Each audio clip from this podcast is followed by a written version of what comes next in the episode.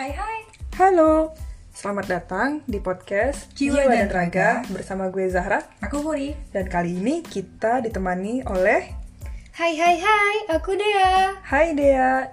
Dea ini adalah salah satu teman kita yang kuliah farmasi di Jerman.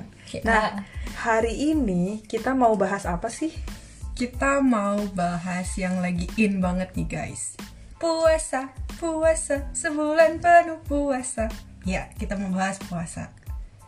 Apa sih yang bakal dibahas kali ini tentang puasa? Em, Kita mau bahas efeknya puasa sama diri kita secara psikis dan secara fisik. Apa aja sih yang terjadi sama tubuh kita pada saat kita puasa Dan kenapa bisa kita baik untuk berpuasa?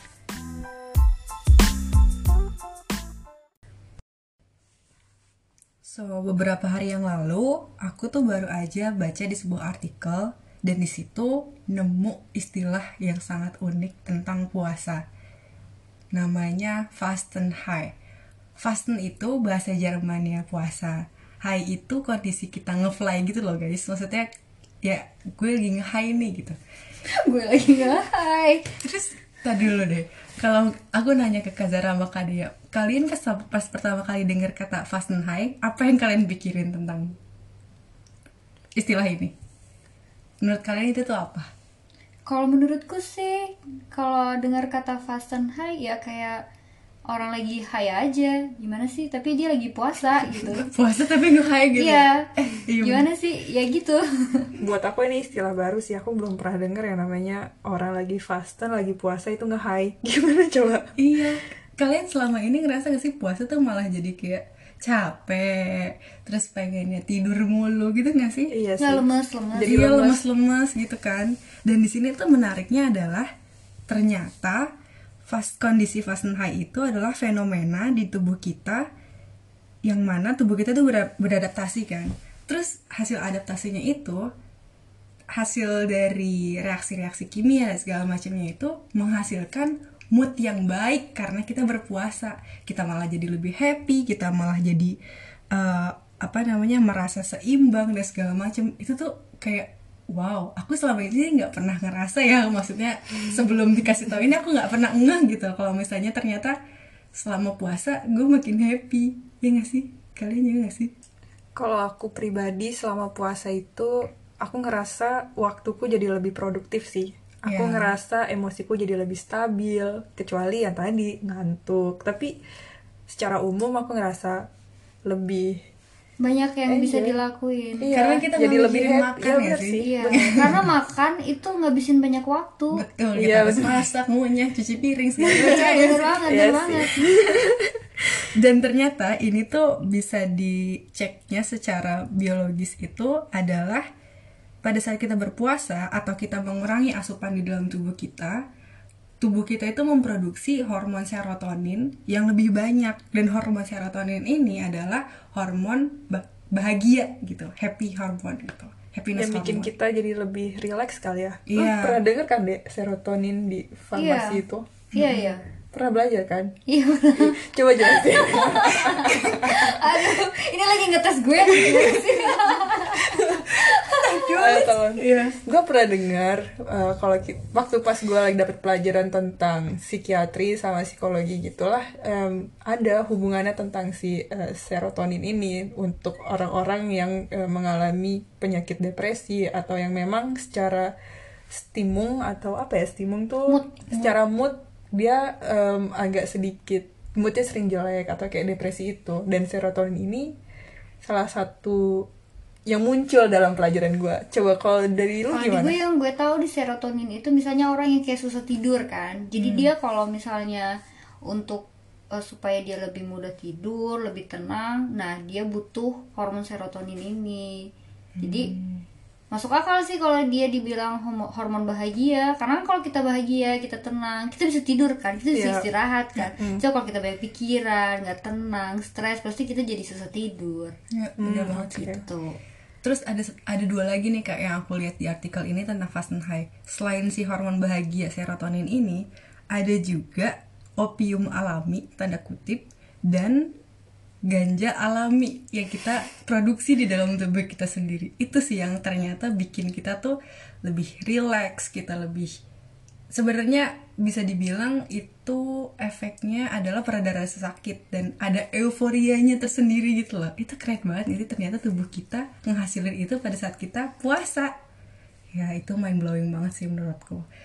Terus kakak-kakak kalian pernah gak sih ngerasain yang namanya lagi puasa terus mesti ujian besar? Ujian kecil dan besar deh ujian hidup nih apa ujian, ujian kampus? kampus. Atau sekolah dulu pas masih SMP SMP. Pernah pernah. Pernah banget apalagi di Jerman kalau lagi puasa gitu lagi Ramadan nggak ada libur kan? Terus gimana? Apa yang kalian rasakan dan gimana hasilnya? Kalau Ya, sejauh ini baik-baik aja sih karena kan biasa juga kalau kita lagi belajar tuh kadang nggak inget makan kan? Jadi kayak pas lagi puasa kebetulan memang lagi nggak makan jadi ya belajarnya lebih banyak waktunya. Dan kalau buat gue sendiri sih emang kalau udah kebiasaan ya kalau mau ujian tuh pasti makannya jadi lebih sedikit. Sedikit Iya. ban- sedikit makan nasinya sedikit karbohidratnya dan makan beratnya. Jadi pada saat puasa ya udah belajar mah belajar aja. Oke itu kan pas lagi belajarnya pas lagi ujiannya oh. Ujiannya kan cuma sebentar cuman satu jam dua jam doang. Jadi kayak nggak ngaruh juga. Kadang kayak siapa yang mau makan gitu pas lagi ujian? Atau kayak siapa yang kepikiran lagi puasa gitu loh. Tapi aku Tapi memang ujian kalau menurut gue pas pada saat lagi kondisi gue mau ujian ya dan gue nggak bisa makan yang terjadi adalah gue jadi lebih tajam pemikirannya. Makanya setiap kali mau ujian gue nggak terlalu banyak makannya. Oh gitu ya? Kalau gue sih. Jadi ngerasa lebih fresh pada saat ujian itu aku dulu soalnya nggak pernah terlalu stres. Kalau aku pribadi sih setiap mau ujian setidaknya gue minum air putih atau min- makan buah apalah something sebelum ujian gitu.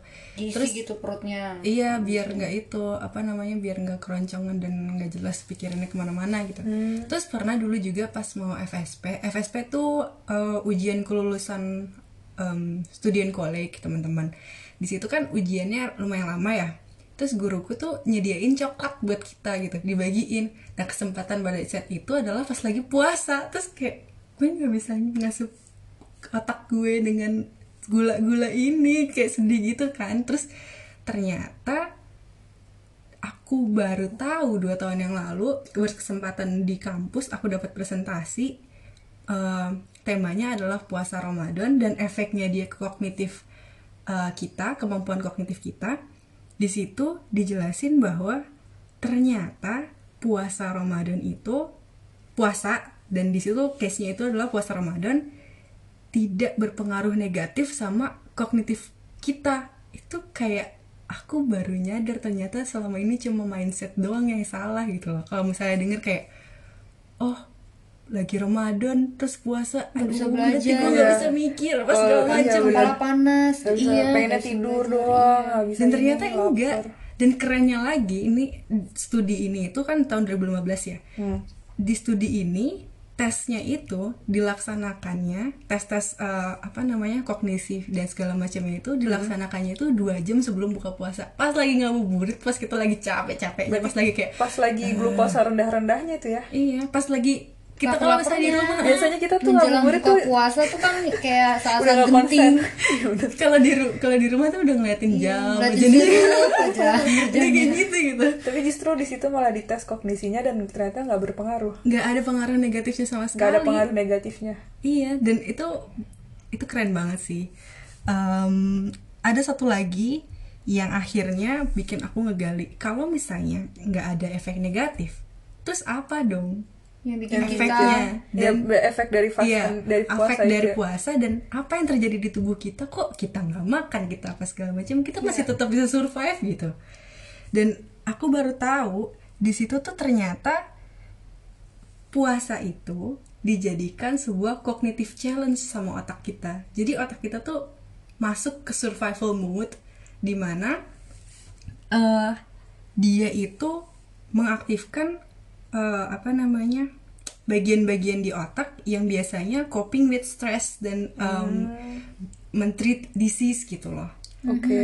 Itu kayak keren banget gak sih? Otak kita tuh siap Survival, untuk Mm, iya survival mode gitu loh. Survival mode. Kayaknya gue gak, gak asing sih sama itu. Jadi karena kita kurang asupan tapi otak kita tuh harus tetap bisa kerja dia tuh kayak mengaktifkan bagian-bagian tertentu gitu mungkin aku bisa sedikit jelasin sih.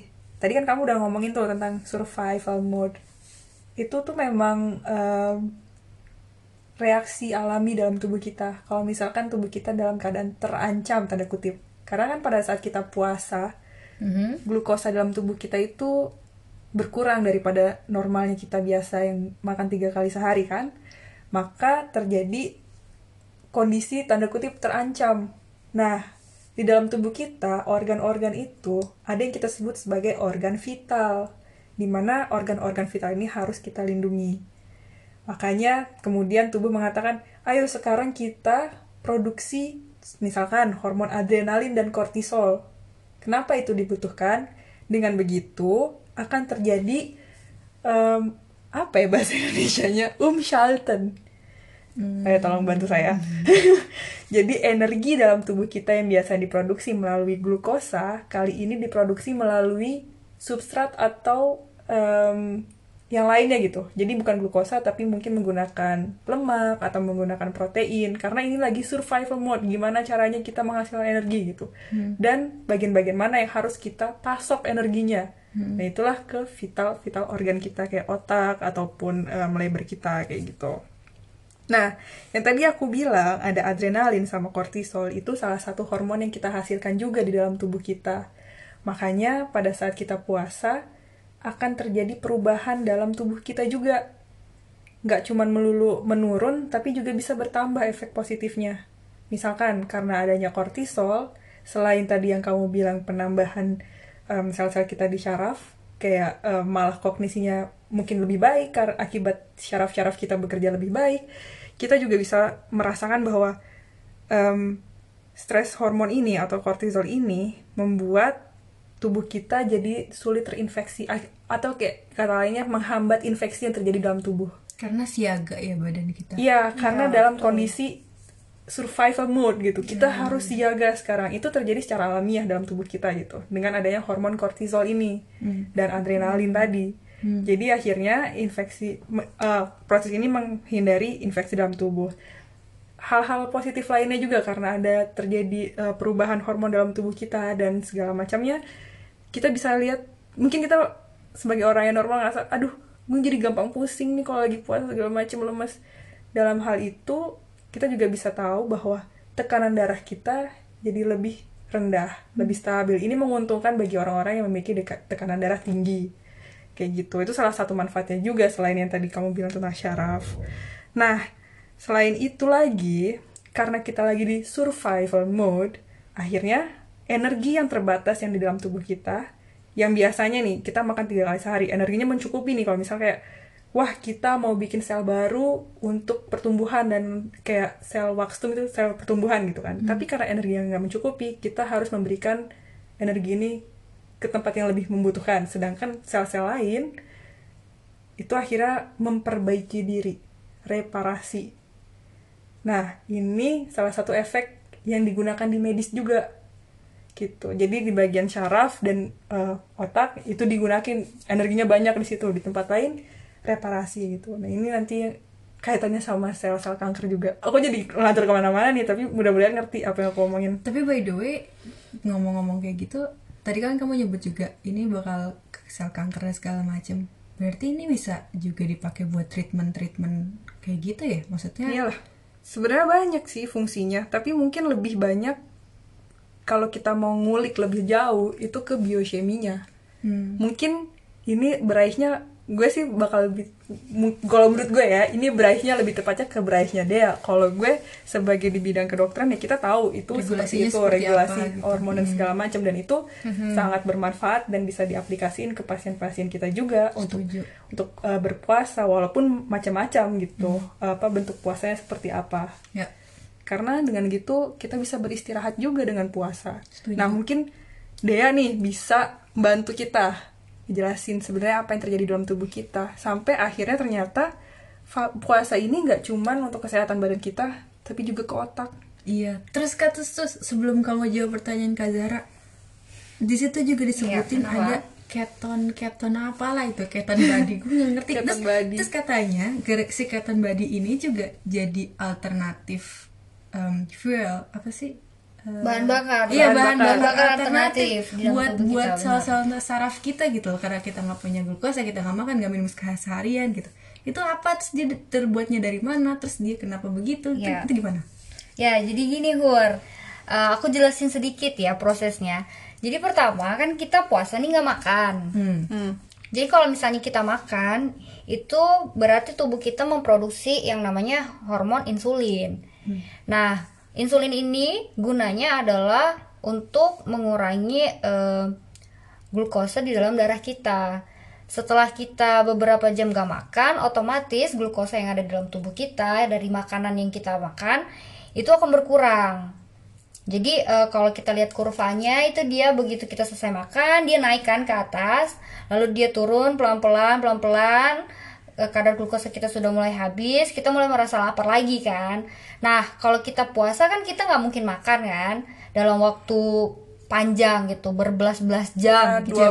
12 12 jam di Anggaplah Indonesia 12 mungkin ya. jam Kalau di kita Indonesia. 17 Kalau kita di Jerman 17 plus plus misalkan kayak gitu kan. Iya, iya. Nah setelah beberapa jam kita mulai lapar, tubuh kita itu eh harus mikir dong, terus energinya dari mana? Hmm. Nah dari situ tubuh kita menggunakan protein untuk energi. Hmm. Nah jadi dia mulai menggunakan energi yang disimpan di dalam tubuh kita, contohnya ada di otot kita, ada di organ pencernaan kita untuk dijadikan energi yang dibutuhkan dalam tubuh kita. Hmm. Nah, gimana kalau misalnya protein yang ada di dalam tubuh kita udah berkurang? Karena kan nggak mungkin dia terus-terusan eh, ngambil protein yang ada di dalam tubuh kita, karena kita juga butuh protein kan? bahaya juga sih kalau karena itu kalau bahaya semua, ya kalau semua semuanya dipakai. dipakai sama sama tubuh kita Benar, benar. akhirnya mikir lagi nih tubuh kita apa yang bisa kita rombak ya gitu Oh God, Oh, jadi keren. eh, setelah kita 13 jam lebih nggak makan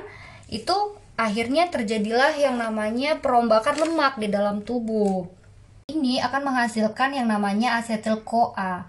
Nah, asetil CoA ini yang biasanya dipakai untuk eh regenerasi. Apa ya namanya? regulasi. Apa tuh? Apa gebidung? Eh, Produksi, produksi. Iya, produksi. produksi energi ya kan. Jadi ini tuh si substratnya yang dipakai tubuh kita ntar untuk akhirnya menghasilkan energi. Nah, tapi CoA itu nggak bisa dibawa gitu aja kan dari satu sel ke sel yang lain Iya karena kan ini kan tadi terjadinya di di leber kan Di di, hati, di hati ha. di hati. Jadi asetil CoA-nya itu harus eh, dibawa melalui ditransport melalui darah. Jadi asetil CoA itu harus dirubah bentuknya. Kalau enggak dia nggak bisa masuk ke dalam darah kita. Nah bentuk yang eh, bisa ditransfer di dalam darah kita itu namanya keton bodies itu karena dia hidrofil kan jadi bisa masuk ke dalam darah kita nanti si keton korper itu akan di eh, transport ke seluruh tubuh kita ke Dibagi itu ke bagian-bagian sel-sel ya? organ yang penting. nah, si keton korper ini mungkin kita kenal juga salah satunya aseton. Pasti tahu dong kalau cewek-cewek yang suka Oh buat kuku ngilang-ngilangin. itu sama sama kutek. aseton yang buat kuku itu Secara eh, struktur dia sama aseton. oke Nah, terus kenapa kalau misalnya kita berpuasa itu nafasnya bau kan? Nah, itu karena tubuh kita mengeluarkan aseton lewat nafas kita. Nah, Oke. selain itu aseton yang tidak dipakai oleh tubuh kita itu juga bisa dikeluarkan lewat urin. Hmm, makanya jadi bau ya nafasnya Makanya nafas pipisnya Oke. juga dong Iya, pipis emang ada yang wangi. Aku tanya sekarang ada pipis yang wangi. nggak ada sih Gitu. Maksudnya Jadi puasa. jadi itu kenapa akhirnya keton itu eh, keton badis ini bisa dijadikan alternatif energi di dalam tubuh kita karena tadi dia dihasilkan dari pembakaran lemak dalam tubuh kita. Nah, kenapa orang-orang yang penting nih ya yang suka nyemil itu jadi gendut karena dia nggak sampai ke tahap dia pembakaran lemak. Jadi tubuh dia itu eh, Selalu produksi, iya, produksi, selalu, selalu apa, produksi bekerja terus insulin ya, tadi produksi kan. insulin. Jadi insulin itu harus ada di tahap sampai fase di mana dia harus membakar lemak. Hmm. Kalau misalnya dia setiap dua jam sekali dia nyemil atau dia lapar dikit dia nyemil, jadi otomatis eh, glukosa di dalam tubuh dia kan selalu ada gitu dan insulinnya selalu diproduksi. Jadi dia nggak sampai ke fase dia harus bakar lemak gitu. Karena kan Hmm. lemak itu dibakar kalau misalnya tadi dia sudah sampai berpuasa berjam-jam gitu. Sa- jadi begitu kira-kira Ngomong-ngomong tentang itu, ada juga coy keluhan tentang kok Ramadan malah naik berat badannya. Iya kita kan sih, udah itu- puasa 30 hari terus malah naik berat badannya tuh itu kenapa? Why? gini ya Gitu. kita harus lurusin dulu persepsi Iya. pertama yang tadi dijelasin dia itu udah bener sih menurutku tentang insulin karena itu aku juga pernah pelajarin tapi kita harus lurusin persepsinya bahwa berpuasa itu bukan menurunkan berat badan iya puasa itu bukan bukan nurunin berat badan bukan buat nurunin berat yang badan, menurunkan benar berat badan pada akhirnya adalah habit kita ketika berpuasa kalori yang masuk. kalori yang masuk dan frekuensi makanan yang kita makan dalam sehari. Yang tadi dia bilang, kan kalau misalkan kita makan nih ya, sekali kita makan pada saat buka puasa satu, makan pada saat sahur dua. Nah, jarak interval antara makan yang satu dengan makan yang lain, di situlah tempat terjadinya atau kayak proses Siklus terjadinya tadi, fat yang fat burning yang tadi lu bilang kan, ya nggak? Iya, pembakaran lemak Iya benar. Tapi kalau misalkan pada saat kita berpuasa ini di Ramadan, kita makannya tetap kayak orang bukanya. kalap pas pada saat buka kayak orang kalap sama aja bohong. Iya. Jadi makanya yang menggun yang bilang berpuasa tapi malah beratnya naik. Ya balik lagi apa yang lu makan. Iya. dan seberapa banyak lu makannya gula gula gula gula semua. Kan kalau kita puasa sebenarnya biasa makan kolak makan Iya. sebuah nanti pas mau isya makan lagi nanti makan lagi. iya iya. Oh my bukan karena puasanya kita jadi kurus tapi karena habit yang tadi itu bahwa kita harus disiplin makannya kayak gitu. Berarti memang harusnya frekuensinya yang berkurang di bulan puasa dengan porsi yang sama gitu. iya jadi normal aja sih makannya ya enggak iya kayak orang makan normal sehari-hari kayak misalnya wah, ada karbonya ada proteinnya ada vitaminnya ada lemak baiknya. lemak baiknya gitu. Jadi nggak nggak berlebihan semua karena dia bilang eh kalau buka puasa harus yang manis-manis semua yang manis makan gitu kan. Kan ada porsinya iya semuanya insulin peaknya sangat tinggi ya iya kalau kayak gitu nanti lama-lama bisa Terus habis itu dibawa tidur lagi, oh my god. iya di situ kan malam nggak berkegiatan jadi Nah, mabok. makanya disarankan pada saat berpuasa itu selain makan yang disiplin kayak tadi gitu ya, em, kita juga harus beraktivitas berolahraga di rumah juga sebenarnya 30 menit lah sehari ya gitu. Jadi ini jadi efektif gitu. Jadi gini loh, tadi kan kita udah ngomongin gitu bahwa puasa itu berfungsi baik untuk otak. Yang tadi kamu bilang kan, ada serotonin, ada challenging, ada survival mode. Terus dia juga tadi ngasih tahu bahwa ini ada fat verbrenung dan keton keton body yang tadi lu bilang sebagai energi juga untuk tubuh kita. Tapi kayak kalau misalkan kita ngebiarin tubuh kita diem doang juga, ya itu semua hanya standar-standarnya aja gitu, nggak akan banyak yang terjadi gitu. Tapi pada saat kita challenge diri kita juga hari itu dengan sedikit olahraga atau tetap beraktivitas normal, itu akan mengoptimalkan apa yang sudah ada di dalam tubuh kita juga. Mekanismenya jadi lebih cepat gitu ya. Mekanisme akan jadi lebih optimal di dalam tubuh. Oh, that's cool. Kalau misalkan kita pikir-pikir, aku sih secara pribadi pernah ngerasa juga sih dan sering ngerasa pada saat aku puasa gitu kayak em, konsentrasiku atau awarenessku tuh meningkat. Mungkin ada kaitannya juga sama yang tadi kamu bilang gitu kan, bahwa sel-sel syaraf kita dan otak kita itu akibat em, tadi aduh gimana ya aku jelasinnya? Tadi ada keton korper itu kan. Di tubuh kita yang lainnya mereka rest istirahat.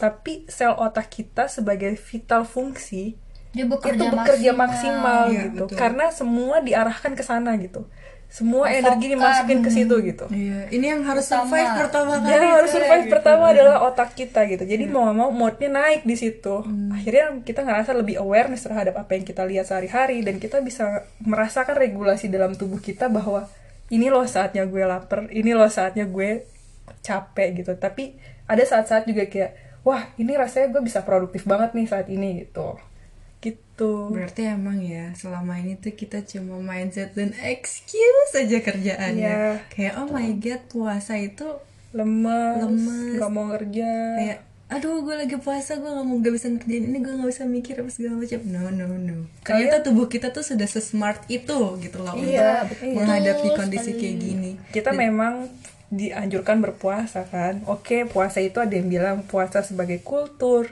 puasa sebagai alasannya religion padahal puasa itu juga sebenarnya natur ya memang naturnya manusia untuk berpuasa gitu Dan aku tuh juga di di artikel itu juga disebutin bahwa ternyata Ya. brainy brainy people, oh, maksudnya orang-orang yang pinter-pinter kayak Plato, Pythagoras dan segala macam itu. Paracelsus Paracelsus Iya. juga hmm. Terus juga nabi-nabi Mereka gitu. Mereka dulu regelmes, regelmes itu Teratur. biasa gitu. Udah biasa untuk berpuasa gitu loh. sekarang banyak sih Punya artikel habit. yang ngasih tahu kayak berpuasa dua kali seminggu atau berpuasa Ya, dengan interval itu bagus ba- untuk tubuh un- bagus untuk kesehatan karena yang tadi udah kita bahas sih kan kayak di mana tubuh kita bisa istirahat, yang mana bekerja optimal dan itu ternyata efeknya sangat bagus buat mood kita, Ya. buat kondisi otak kita yang jadi happy, jadi stabil emosinya ya enggak?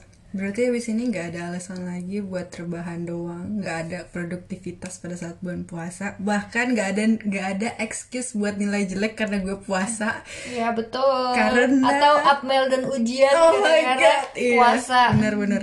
Iya, Terus bener. di sini juga kita sebenarnya jadi bahan refleksi sih. Kalau kita pusing-pusing, kita makin gendut, kita apa segala macam pada saat puasa, pada saat bulan puasa atau kita lagi biasa puasa, berarti itu bukan karena puasanya, tapi karena habit kita. Habit kita yang masih buruk. entah tidurnya berantakan jam Yoi. tidurnya terus makannya porsinya amburadul gitu kan terus nggak pernah olahraga terus apalah segala macem itu Iya. jadi bener-bener waktu untuk refleksi sih secara dal di dalam di dalam tubuh kita tubuh kita berefleksi gitu loh apa yang harus diperbaiki gini gini gini pada saat kondisi puasa. Kita pun secara manusia secara jasad kita harus refleksi juga habit kita terus em, mindset kita juga gitu kan. Jadi kita tahu secara em, apa namanya pikiran apa yang harus diperbaiki dalam hidup gua. Gitu. karena ternyata tubuh kita juga memperbaiki dirinya sendiri Hmm. oke wow jadi Masya itu Allah ya. pentingnya puasa untuk jiwa dan, Dan raga. tapi masya Allah ya tubuh kita emang sudah Ya, diciptakan smart iya diciptakan bisa survive ya di kondisi-kondisi seperti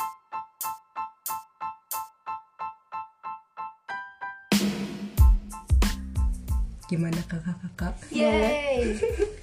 Ya udah kalau gitu untuk episode kali ini sekian dulu dari kami. Semoga apa yang kita em, bahas kali ini bisa bermanfaat buat teman-teman semua dan semakin semangat buat em, menjalani hari-hari puasa selanjutnya dan semakin produktif tapi juga happy karena tubuh kita pun happy men- menghadapi puasa ini guys. Jadi so selamat berpuasa dan sampai jumpa. Bye bye. Bye. ciao